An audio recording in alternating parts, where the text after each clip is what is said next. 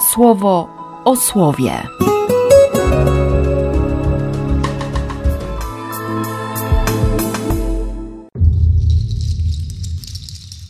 2 czerwca, środa. Z księgi Tobiasza. Wtedy bardzo posmutniałem w duszy. Zapłakałem z jękiem i szlochając, zacząłem się modlić. Sprawiedliwy jesteś, Panie, i sprawiedliwe wszystkie Twoje czyny, a wszystkie Twe drogi to dzieła miłosierdzia i szczerej troskliwości. Ty sądzisz świat. Wspomnij teraz i spójrz na mnie, o Panie nie każ mnie za moje grzechy, ani za przeoczenia moje i moich ojców, bo zgrzeszyłem przed Tobą i nie słuchałem Twoich przykazań. Wydałeś nas za to na pojmanie i na uprowadzenie do niewoli, i na śmierć, i na złośliwe porzekadło, i na ludzkie gadanie, i na obelgi wśród wszystkich ludów, wśród których nas rozproszyłeś. Również teraz liczne są i słuszne Twoje wyroki, spełniające się na mnie za moje grzechy – bo nie zachowaliśmy Twoich przykazań i nie chodziliśmy przed Tobą według prawdy. Więc postąp teraz ze mną zgodnie z Twoim upodobaniem i każ zabrać mego ducha ode mnie, bym zniknął z oblicza ziemi i sam stał się ziemią.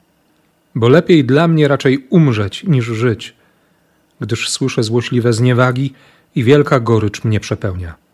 Rozkaż, o Panie, bym został uwolniony od tej udręki – Odeślij mnie do miejsca wiecznego i nie odwracaj ode mnie, o Panie, swojego oblicza.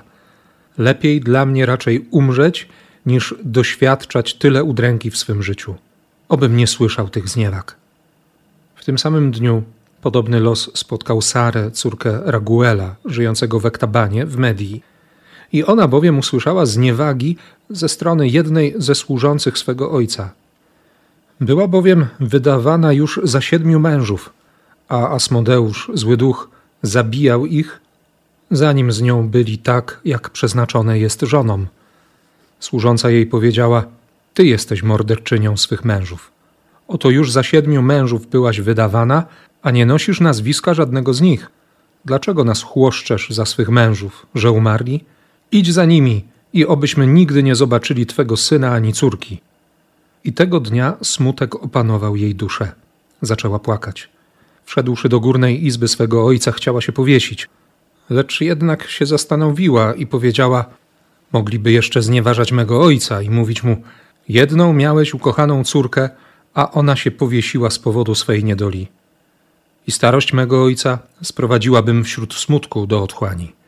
Lepsze jest zatem dla mnie nie wieszać się, lecz poprosić Pana, abym umarła i abym już nie słyszała zniewag w swym życiu. Wówczas, rozłożywszy swe ręce, zaczęła się modlić przy oknie. Tak mówiła: Błogosławiony jesteś, miłosierny Boże, i błogosławione imię Twoje na wieki. Niech Cię zawsze błogosławią wszystkie Twoje dzieła. Ku Tobie teraz wznoszę swoje oczy i twarz.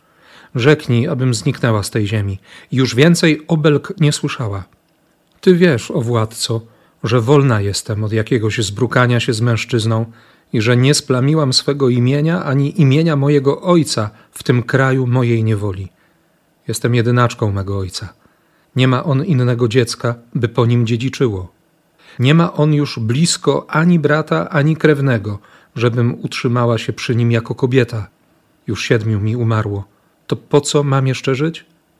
A jeśli nie jest Twą wolą, o Panie, mnie zabić, to zauważ moją zniewagę. I w tym samym czasie wysłuchana została modlitwa obojga przed majestatem Boga. Został posłany Rafał, by uzdrowić oboje. Tobiaszowi zdjąć bielmo z jego oczu, by oglądał nimi światło Boże, a Sarę, córkę Raguela, dać za żonę Tobiaszowi, synowi Tobiela i odpędzić od niej Asmudeusza, złego ducha. Bo Tobiaszowi było przeznaczone otrzymać ją w dziedzictwie, zamiast tych wszystkich mających wcześniej ją pojąć tej samej chwili wrócił Tobiasz z dziedzińca do swego mieszkania, a Sara, córka Raguela, zeszła z górnej izby. Z Ewangelii według świętego Marka.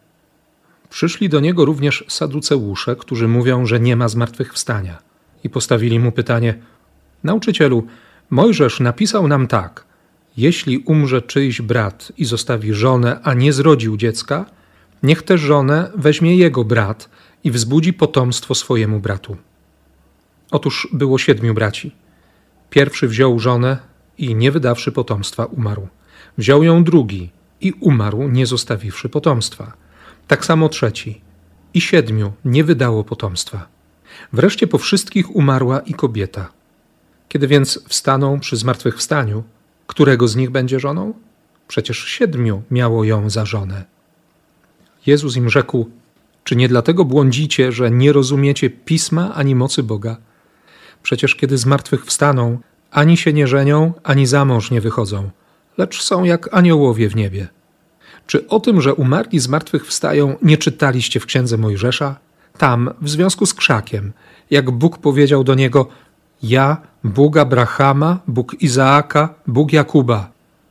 Nie jest Bogiem umarłych, lecz żyjących. Bardzo się mylicie.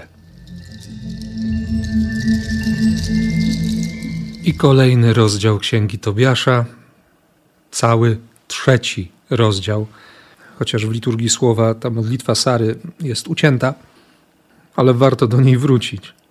Dwie modlitwy ludzi nie mających nadziei, ale na tyle szczerych, żeby stanąć przed Bogiem, żeby Jego prosić o śmierć. Nie pomagać sobie w samobójstwie, bo Sara chciała się powiesić, ale, ale jednak z tego zrezygnowała, no bo co powiedzą też o jej ojcu, jakaś czarna plama na honorze rodzinnym, ale generalnie bezradność.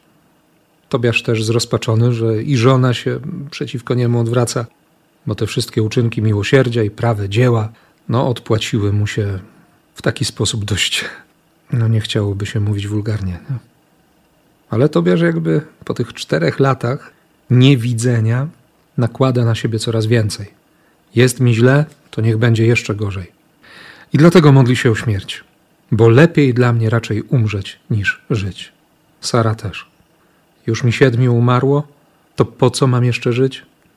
Ale o ile Tobiasz faktycznie modli się o śmierć i, i nie widzi żadnego innego rozwiązania swojej sprawy, swojego losu, o tyle Sara kończy modlitwę wezwaniem: Jeśli nie jest Twą wolą, o Panie, mnie zabić, to zauważ moją zniewagę. Może oczy Boga widzą więcej. I potem ten szesnasty werset, no po prostu cudowny. I w tym samym czasie wysłuchana została modlitwa obojga przed majestatem Boga. Bóg ich wysłuchał. Słuchał do końca, słuchał uważnie każdego słowa. Tak jak słucha Twojej czy mojej modlitwy, bez względu na to, co w niej jest i jakie są nasze słowa. On ich słucha. Jest tak uważny. I nagle okazuje się, że tam, gdzie człowiek widzi tylko śmierć, Bóg daje łaskę przez Archanioła, który ma na imię Pan leczy. Bóg uzdrawia. Jest, jest szansa, jest nadzieja, jest uzdrowienie. Jest uzdrowienie i uwolnienie od tego bielma przykrywającego oczy. Jest uzdrowienie i uwolnienie od tego cienia śmierci, od tego demona, który się czai pod łożem poślubnym. W tych wszystkich momentach, w których ja widzę śmierć, Bóg wychodzi naprzeciw i mówi: Chcę, żebyś żył.